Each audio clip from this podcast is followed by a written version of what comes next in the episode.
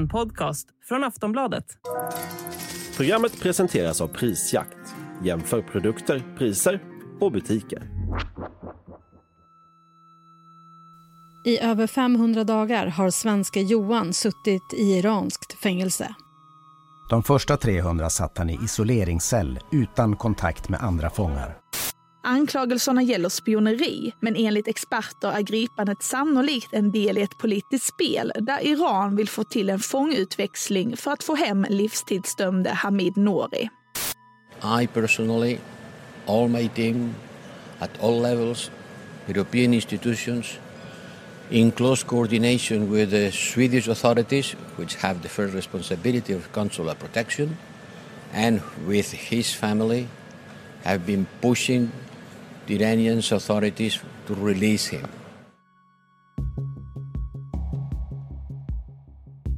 Det var i maj förra året som svenske Johan Floderus inte tilläts kliva på planet från Iran när han och hans vänner skulle resa hem från en semesterresa.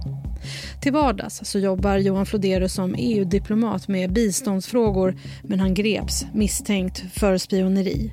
Han har nu suttit i det ökända Evin-fängelset i Teheran i mer än 500 dagar. Det har länge varit tyst om gripandet men i början av september så gick man ut med namn och bild på Johan för att öka pressen på både regeringen och Iran. Sen gripandet har flera experter talat om att allt handlar om att Iran vill göra en fångutväxling med Sverige. De vill ha hem Hamid Nouri som i Sverige dömts för folkmord i Iran. Experter menar också att det här är Irans sätt att få ut fångar i utländska fängelser. Utrikesdepartementet med utrikesminister Tobias Billström i spetsen arbetar för att få ut Johan ur fängelset men det är svårt att veta hur det går i förhandlingarna. Vad är det som skiljer det här fallet från andra svenskar som är fängslade i Iran? Hur vanligt är det med fångutväxlingar och kan svenska Johan komma hem? Ja, det här pratar vi om i det här avsnittet av Aftonbladet Daily. Jag heter Jenny Ågren. Och jag har med mig Olof Svensson, reporter på Aftonbladet. Han får börja med att berätta vem Johan är. Johan Floderus är en man i 30-årsåldern som har arbetat, han har haft en lång rad uppdrag för EU, eh, jobbat med bland annat biståndsfrågor. Eh, och han reste till Iran för eh, ungefär ett och ett halvt år sedan i en privat resa och fängslades då när han skulle lämna landet. Och hur kommer det sig att han, att han fängslades? Han anklagas för eh, spioneri. Eh, det visste man inte då, men han, eh, han hade alltså rest till Iran med ja, en privat resa med ett gäng kompisar för att besöka en gemensam vän som arbetade på svenska ambassaden. Och eh, sen fängslades han och sen eh, senare så presenterade Iran då anklagelserna eh, mot honom som då är spionage. Och vad säger Johan och hans läger om de här anklagelserna? de tycker ju att de är helt eh, grundlösa, att han bara var där på en privat resa. Och Olof, jag måste ändå fråga, hur kommer det sig att det har varit så tyst om det här? Han har ändå suttit i det där fängelset i över 500 dagar. Eh, jag, jag, skrev ett par artiklar om det här när, det, när gripandet precis hade skett. Det var mot bakgrund av att då hade också Iran gått ut och hotat att man skulle fängsla eh, svenska, väst, svenska medborgare som då besökte Iran. Eh, det, ja, efter de artiklarna så, de, de, det blev inte jätteuppmärksammat då, men det, utan det, det som, när det verkligen tog fart var ju när New York Times då eh, gjorde ett, eh, ett större, en större artikel om, eh, om svenska Johan, där man då publicerade hans namn och man satte det också i, i en kontext att det här är eh, Irans tillvägagångssätt att fängsla västerlänningar och sen försöka använda dem i en fångutväxling för att då få, få hem eh, iranier. Det har, det har blivit ett, eh, man har sett det som ett mönster att Iran har satt det här i system. Enligt uppgifter till Aftonbladet så ska ju Iran ha krävt att Sverige då släpper den iranska folkmördaren Hamid Nouri i utbyte mot Johan. Vem är han? Ja, han, han är ju då, han eh, fängslades i Sverige. Han är ju en, han är från Iran men han lurades faktiskt hit till Sverige. Det var en ganska uppmärksammad händelse. Det var en, en exiliranier som då lurade hit honom och eh, eh, sen så åtalades han av en svensk eh, åklagare. Han dömdes sen för folk, eh, folkrättsbrott. Han har också haft en, eh, han ses som att han har haft en, en nyckelposition i då att eh, mördandet av eh, tusentals politiska fångar i Iran på, eh, på 80-talet, 80 och 90-talet. Och varför vill de ha hem honom? Iran ser det här fängslandet som en politisk aktion från Sverige. De, och jag antar också att de tycker att det, det, sticker, eller det sticker i ögonen på den iranska regimen att en exil-iranier kunde lyckas med den här operationen, att då eh, lura hit honom och att han sedermera dömdes. Hur vanligt är det med fångutväxlingar länder emellan? Kan det vara lösningen på att få hem Johan från Iran? Vi pratar mer med Olof Svensson efter pausen.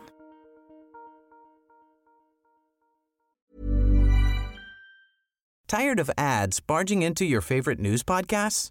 Good news. Ad-free listening is available on Amazon Music for all the music plus top podcasts included with your Prime membership. Stay up to date on everything newsworthy by downloading the Amazon Music app for free or go to amazon.com slash news ad free. That's amazon.com slash news ad free to catch up on the latest episodes without the ads. Och som du var inne på, det här med fångväxling. Hur vanligt är det att de gör den här typen av gripandet för att liksom kunna byta till sig iranier som sitter i utländska fängelser? Ja, det, har, det, har ju, det är flera experter som har det senaste, efter den här eh, New York Times-artikeln, då är det flera experter som har eh, eh, sagt att, eller som, som, har kommit med liknande berättelser, att det här är någonting, ett mönster som Iran har, har, eh, har satt i system helt enkelt de senaste åren.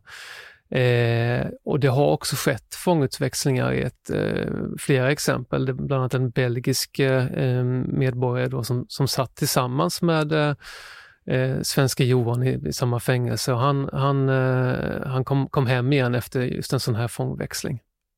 Och är det här någonting som man behöver liksom vänja sig vid? Ja, det verkar ju faktiskt så att, eh, att, att Iran har den här, man, man helt enkelt tar eh, västerländska medborgare för att sedan kunna använda dem som en, eh, ja, som en fångutveckling. De, de blir som en bricka i ett större politiskt spel. Så eh, absolut, om jag, var, om jag var en person som eh, har ett offentligt uppdrag i Sverige eller någorlunda känd så skulle jag akta mig väldigt mycket för att åka till Iran i nuläget. Eh, dessutom så varnar ju UD för att, för, svenskar för att eh, ja, resa i Iran just av den här anledningen. Olof, vad gör då UD, Utrikesdepartementet, för att få hem Johan?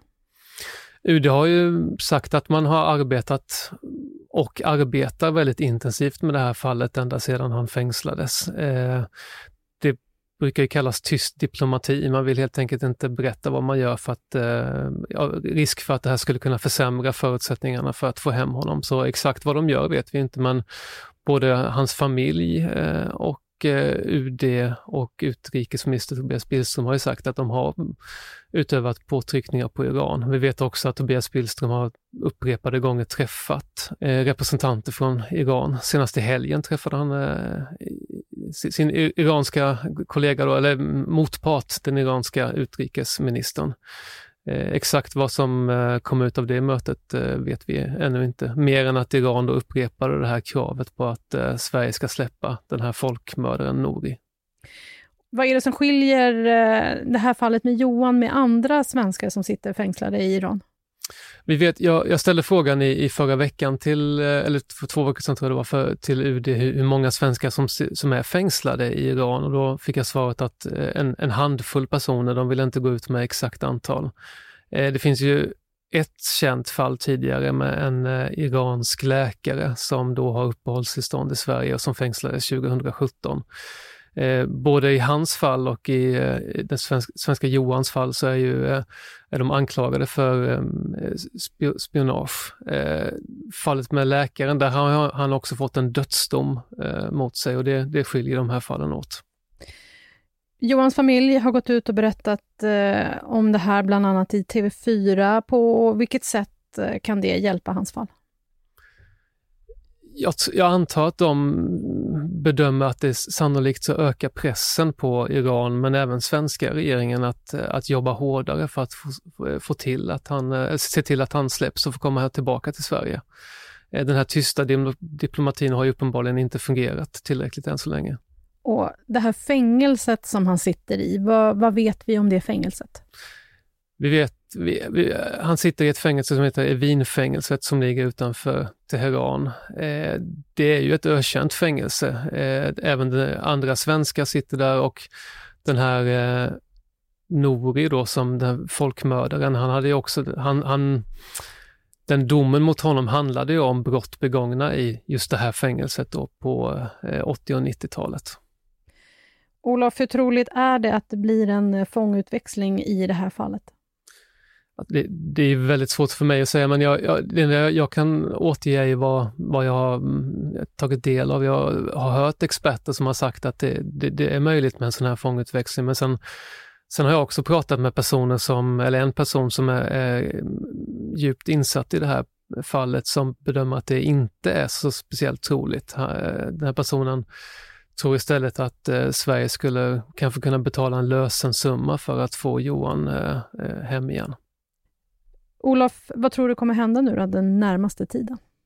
Jag tror att relationerna mellan Iran och Sverige, det vi vet är att de har försämrats väldigt mycket senaste tiden, ända sedan eh, Iran då gick ut och, och menade att man hotade med kid, att kidnappa svenskar. Nu i helgen så eh, kom det rap rapporter om att eh, utrikesministrarna hade träffats, men eh, exakt vad som sades där mm, vet vi inte. Eh, det enda som vi vet är ju att det har eskalerat i den nivån att vi inte har några, länderna har inte längre några ambassadörer i sina länder och det, det är ju eh, det är ett tecken på att det inte står bra till mellan Iran och Sverige. Tror man ändå att Johan kan komma hem snart? Ja, det tror jag nog alla hoppas. Det är ju, eh, måste vara fruktansvärt för hans familj och, och eh, veta att han sitter i det fängelset. Och, och vad vi vet så arbetar ju regeringen hårt för att det ska bli möjligt och att han ska komma hem igen. Tack för det Olof. Tack. Sist här Olof Svensson, reporter på Aftonbladet. Jag heter Jenny Ågren och du har lyssnat på Aftonbladet Daily. Följ allt kring det här på aftonbladet.se. Vi hörs snart igen. Hej då!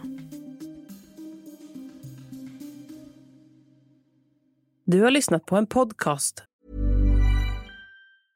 Quality sleep is essential for boosting energy, recovery and well-being. So, take your sleep to the next level with Sleep Number. With a Sleep Number smart bed, you can individualize your comfort level and enjoy a better sleep night after night. JD Power ranks Sleep Number number 1 in customer satisfaction with mattresses purchased in-store. And now the Queen Sleep Number C4 smart bed is only $1,599, a saving of $300 only for a limited time. For JD Power 2023 award information, visit jdpower.com/awards. Only at Sleep Number stores or sleepnumber.com. Från Aftonbladet. Ansvarig utgivare är Lena K Samuelsson.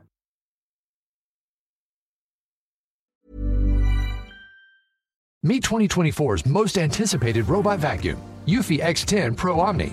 With powerful 8000 PA suction and MopMaster's dual mop pads, it keeps your floor sparkling clean It's the winner of five Best of CES awards, and Digital Trends says it boasts almost all the same features as robot vacuums that cost twice as much. Want to know more? Go to eufy.com, that's EUFY.com, and discover X10 Pro Omni, the best in class all in one robot vacuum for only $799.